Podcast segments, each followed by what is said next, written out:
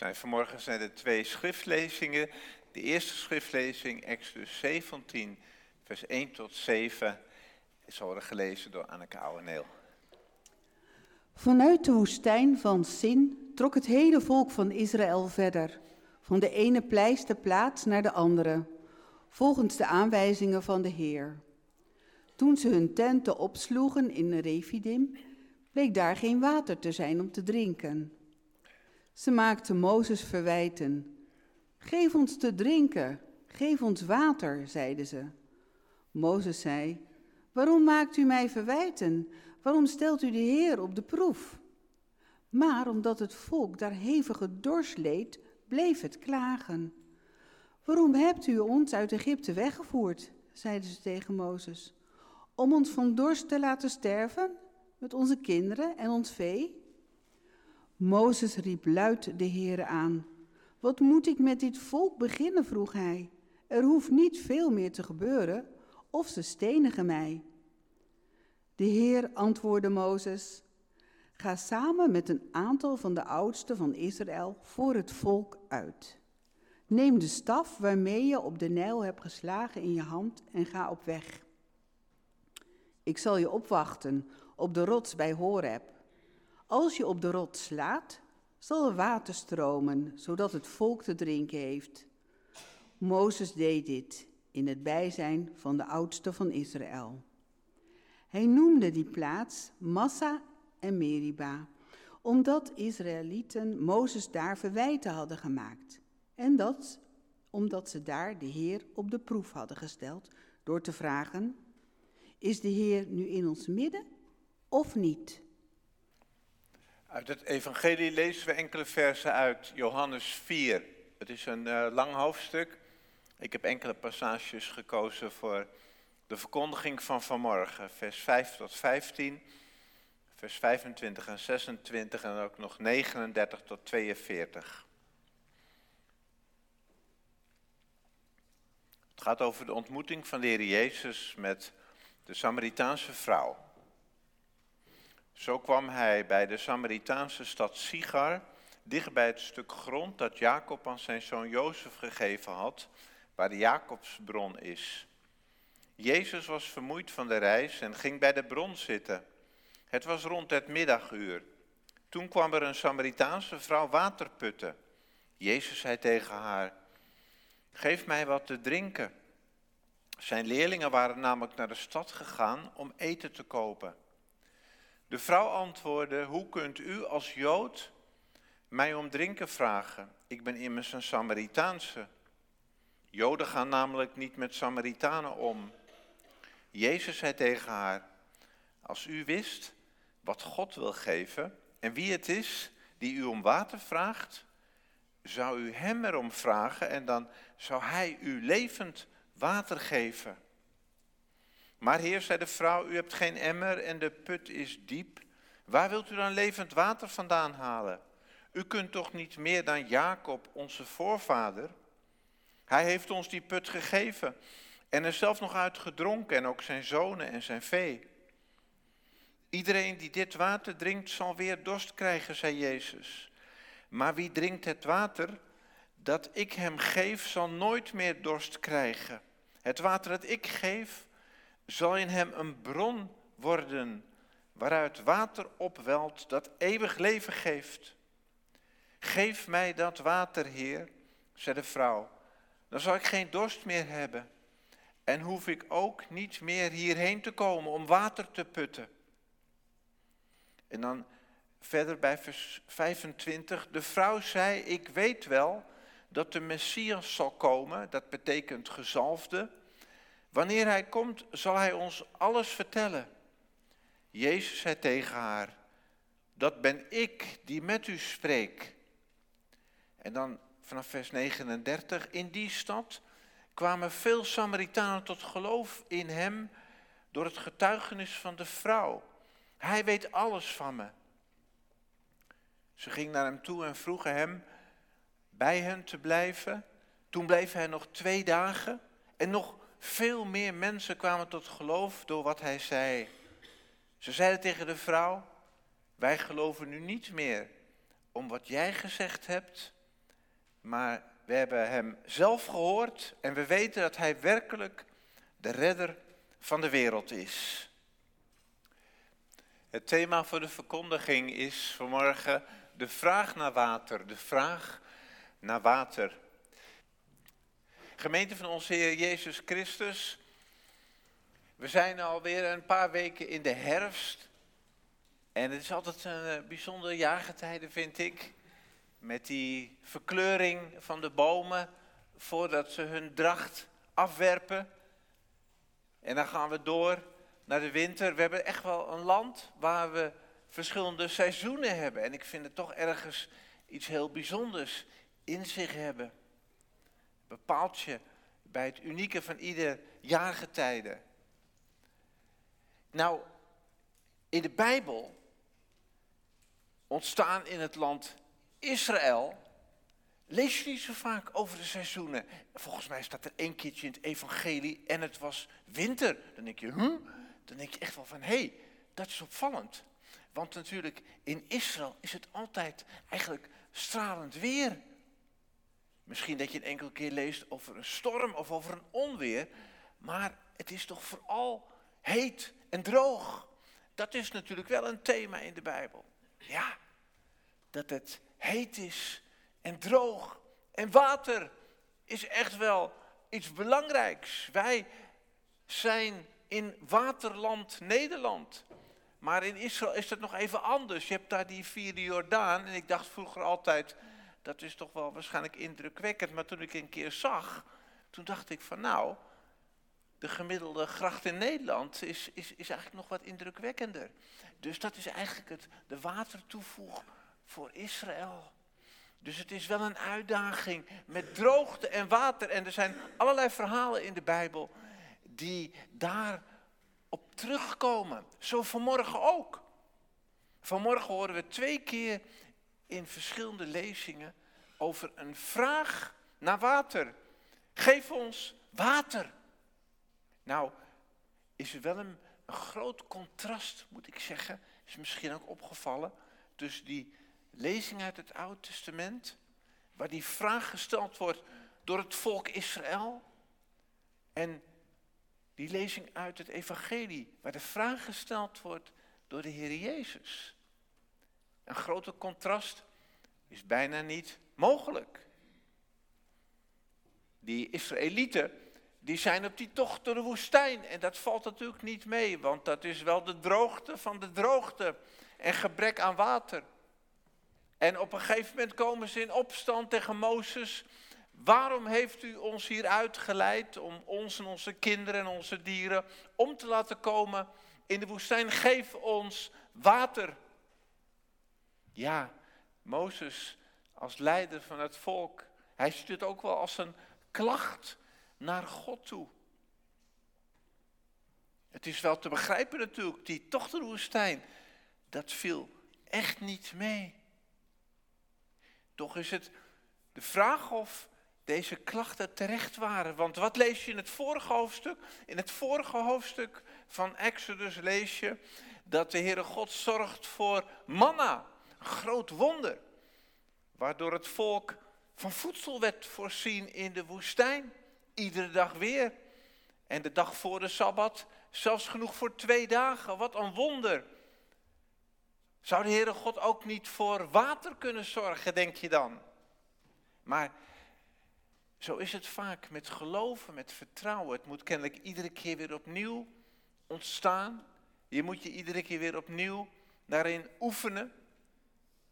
Het volk Israël is alweer vergeten dat ze dat mannen hebben. En ze klagen naar Mozes, ze klagen naar God. Dat er geen water is.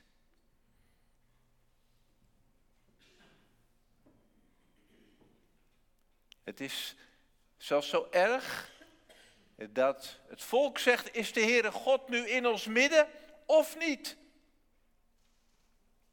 Is de Heere God nu in ons midden of niet?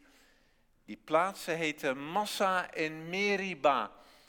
Massa, dat betekent beproeving. Meriba, dat betekent verwijt. En dan die vraag van Jezus. heeft u wat water te drinken? Het, uh,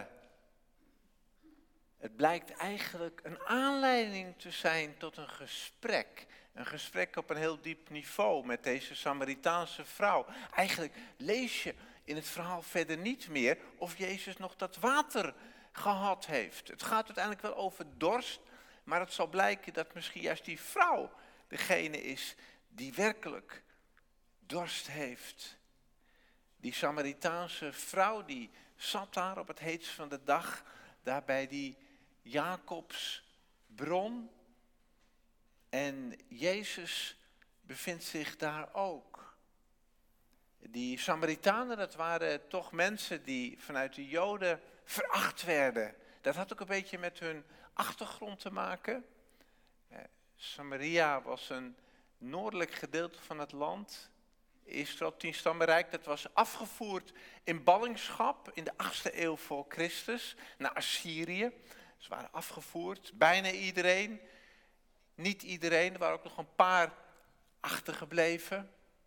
En die koning van Assyrië die dacht, wat moet ik nou met al die ballingen die nu hier wonen, terwijl er zoveel gebiedsdelen in mijn rijk ontvolkt zijn.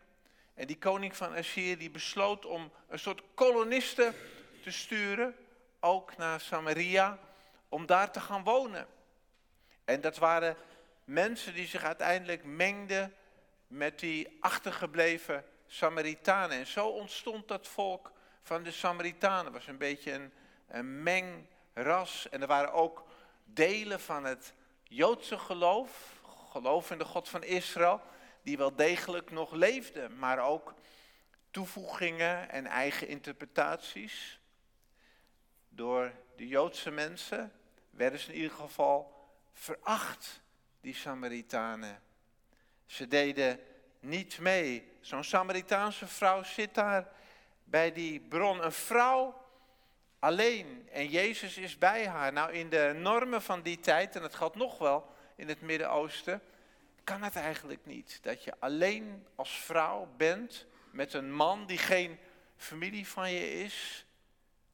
Dat kan eigenlijk helemaal niet. Dan moet je eigenlijk zorgen dat je zo snel mogelijk weg bent. Jezus is daar met die vrouw alleen. Het is een vrouw ook nog een keer. In die tijd waren de verschillen tussen man en vrouw een stuk groter dan dat ze tegenwoordig zijn. Het is eigenlijk heel merkwaardig dat deze ontmoeting hier ontstaat tussen Jezus en deze Samaritaanse vrouw. En deze vrouw die wordt in dat gesprek beproefd. Massa, massa beproeving, dat gebeurt wel met haar. En er klinkt ook wel een verwijt, Meriba. Want ze vraagt aan Jezus, hoe kunt u nu als Jood mij, een Samaritaanse, te drinken vragen? Want Joden gaan niet om met Samaritanen, zo erg was het inderdaad. Joden liepen, liepen liever een stukje om hoe kunt u dat nou doen? Maar ze loopt niet weg, beproefd, maar niet gebroken. Die vrouw was een vrouw met een bedenkelijke geschiedenis. Ze was een aantal keer gescheiden. Nou was het in die tijd zo, staat ook in de Bijbel, dat een scheiding kon vertrokken worden als de man een scheidsbrief indiende. En dat moest dan goedgekeurd worden. Het ging uit van de man. We weten niet precies hoe dat hier in zijn werk gegaan is. Maar in ieder geval, ze was een aantal keer gescheiden. En ze heeft het hier over die put. Dat viel me op. Ze heeft het over die put. En over die emmer. En over die diepte en over dat putten. Het lijkt wel haar symbool te staan voor haar leven. Want als je natuurlijk een aantal keer gescheiden bent, dat laat je emotioneel met allerlei littekens achter, stel ik me zo voor. En die vrouw, die, die maakt een uitgeputte indruk. En ze heeft het maar over putten en een diepe put. Het valt mij op dat de Heer Jezus dat woord put niet in zijn mond neemt. Die heeft het over een bron. Is dat nou voor u hetzelfde, vroeg ik me af. Voor mij niet. Put of bron, is dat nou hetzelfde? Ik, ik ben, tussen haakjes, ik ben predikant geweest in Amsterdam, in Amsterdam Watergraafsmeer.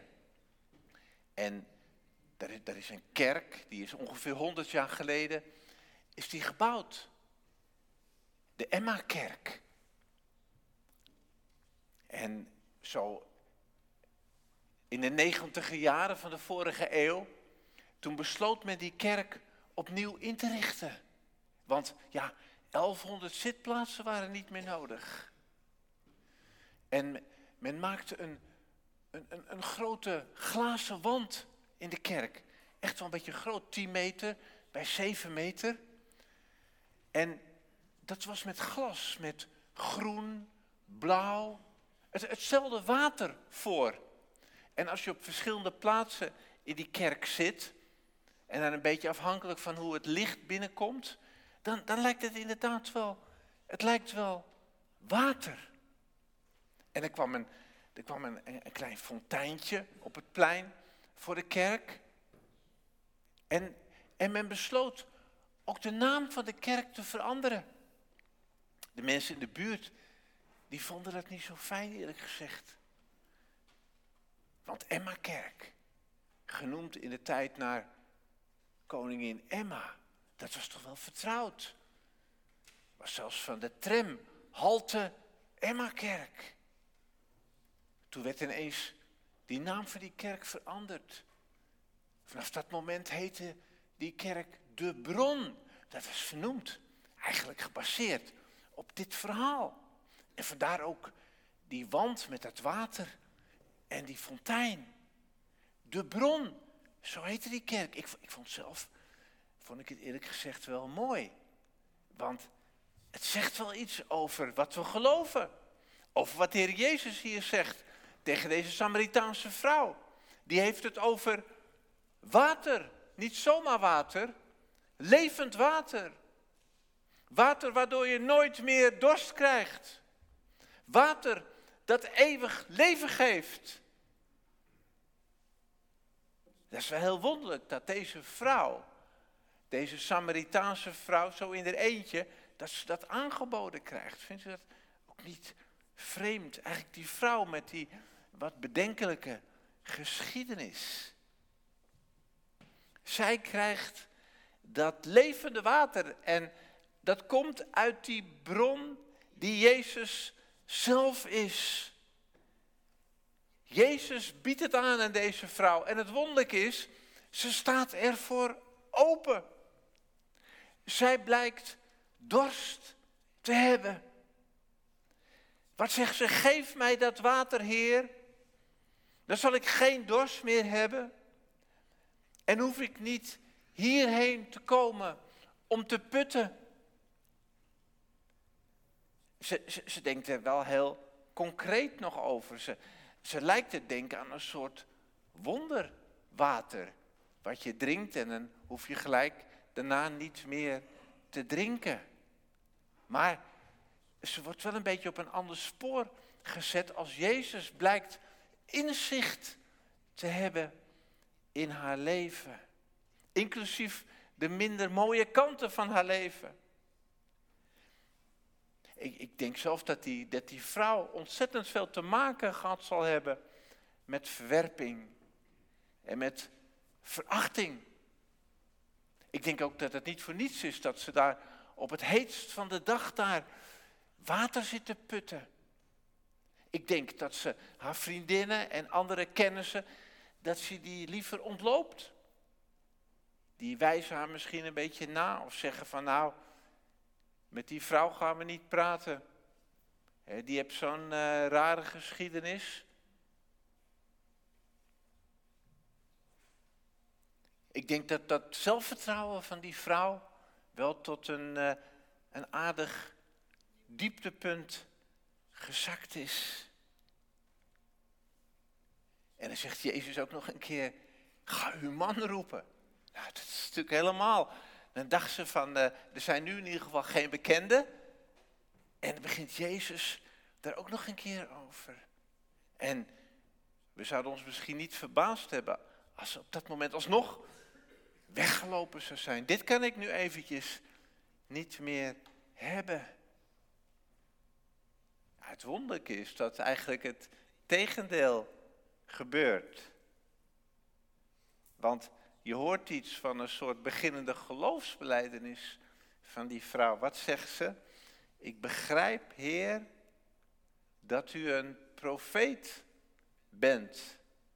Ik begrijp, Heer, dat u een profeet bent. En ze komt te spreken over de Messiasverwachting. Ze wist dus wel het een en ander ook van de Hebreeuwse Bijbel af. Wat zegt ze?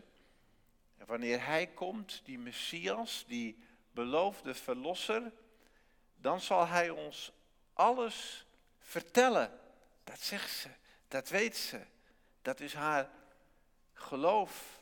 En zegt Jezus, dat ben ik, die met u spreekt.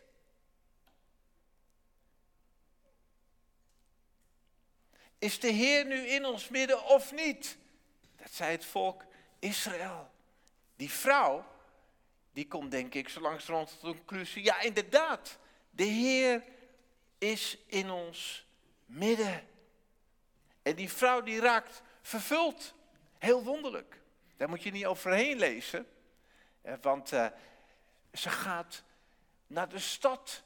Ze wil gewoon eventjes vertellen waar haar hart vol van is en haar mond van overstroomt. En het aparte is dat ze haar kruik laat staan. Kan je dat voorstellen? Ik kan me voorstellen dat in zo'n klimaat, in die omstandigheden, dat de kruik wel het eerste is waar je goed op let. Want als je geen kruik hebt en die put is diep, wat moet je? Die vrouw, die laat haar kruik staan. En ze gaat naar die stad, naar al die mensen die haar een beetje met de rug aankeken. Die gaat naar al die mensen toe om te vertellen dat ze een ontmoeting heeft gehad.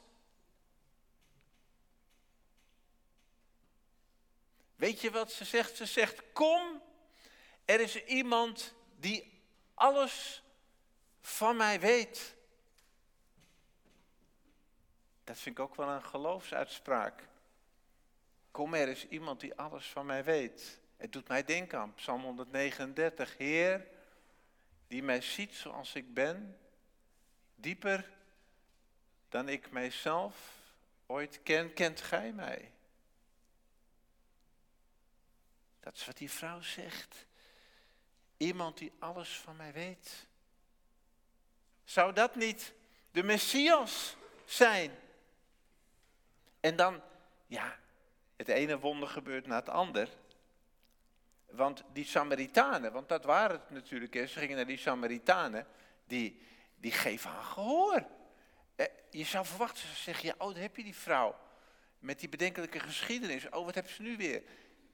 Later praten. Zoiets, hè, zou je denken. Maar nee, ze spreekt met zoveel overtuiging dat de Samaritanen haar volgen op het heet van de dag, richting Jezus. Die Samaritanen, die volgen haar richting Jezus. En wat lezen we? Ze komen tot het geloof. En dat gaat nog in twee etappes. Eerst geloven ze, zeggen ze op basis van wat die vrouw, wat jij vrouw, ons verteld hebt. Dat kwam zo krachtig over. We raakten er van onder de indruk en we gingen op weg. Maar dan staat er vervolgens, maar nu geloven we op basis van wat Jezus zelf zegt. En ze komen tot deze beleidenis, Hij is werkelijk de redder van de wereld. Hij is werkelijk de redder van de wereld. En dat, dat is natuurlijk zo, want Jezus, dat betekent God red. Dus dat was de spijker op zijn kop. Hij is werkelijk de redder van de wereld. Je ziet dat die, die vrouw, die is een soort uh, evangelist. Een beetje voordat het uh, begrip een beetje bekend werd. Uh, ze werd evangelist. Ze werd zo vervuld van dat levende water, wat ook staat, denk ik, voor de Heilige Geest. Ze werd er zo van vervuld. Haar hart was er vol van, haar mond stroomde ervan over. En ze slaagde erin om al die volksgenoten tot Jezus te brengen, die op hun beurt ook weer tot geloof kwamen. Wat een wonderlijke geschiedenis. Wat kan levend water doen? Het uh, contrast is groot uh, met het volk in de woestijn, die ook roepen om water. En het uh, wonderlijke is dat ze het ook nog kregen. Ze kregen ook nog water, ondanks dat bedenkelijke gedrag van het volk.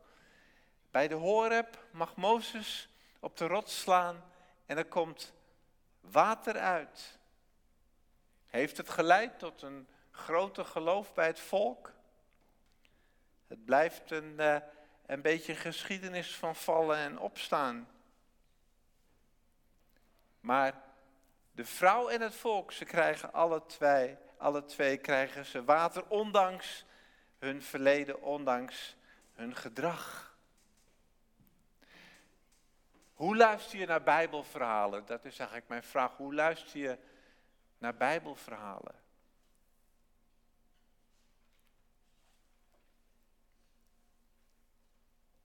Eigenlijk moet je iedere keer bedenken, dit gaat over mij.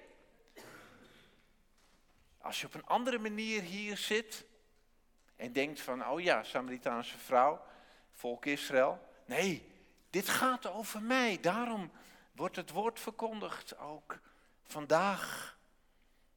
Misschien, misschien ben je iemand die dorst hebt. Dat is niet erg, want er is water.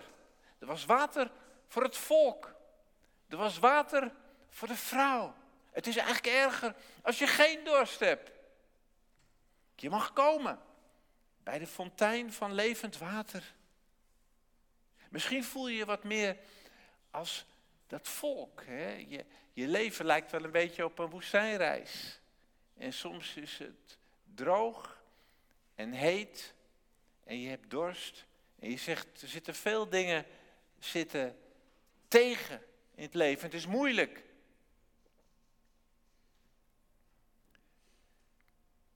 Dan denk je, er zijn mensen die het erger hebben. Misschien in Oekraïne of nu weer in Israël. Maar toch, soms twijfel ik wel eens of de Heere God er is. En ook dat komt voor in de Bijbel. Je kan psalmen lezen bijvoorbeeld, waarin mensen echt ook hun twijfel en hun ongeloof uitspreken. Maar ze doen dat wel tegenover de Heere God. Dus dat is wel heel belangrijk. Dat maakt wel alle verschil. Als je het moeilijk hebt, als je denkt, waar is God nou? Zeg het dan wel tegen de Heere God, niet tegen Mozes, maar zeg het rechtstreeks tegen de Heere God en hij zal horen. Misschien ben je niet ervan bewust dat je dorst hebt. Ik denk wel eens, die, die Samaritaanse vrouw, die was niet op zoek. Ze was niet op zoek. En toch werd ze gevonden en ze kwam erachter dat ze dorst had.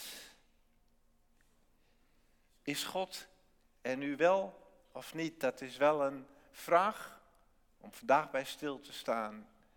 De Heere God wil met zijn zoon Jezus levend water geven voor ieder van ons.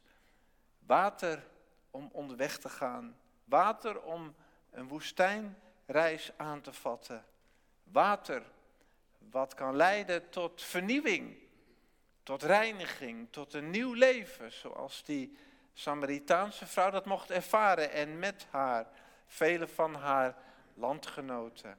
Ik bid dat God u wil leiden, deze dag en alle dagen, in de navolging van Jezus Christus, die levend water geeft. Water dat eeuwig leven geeft. Amen.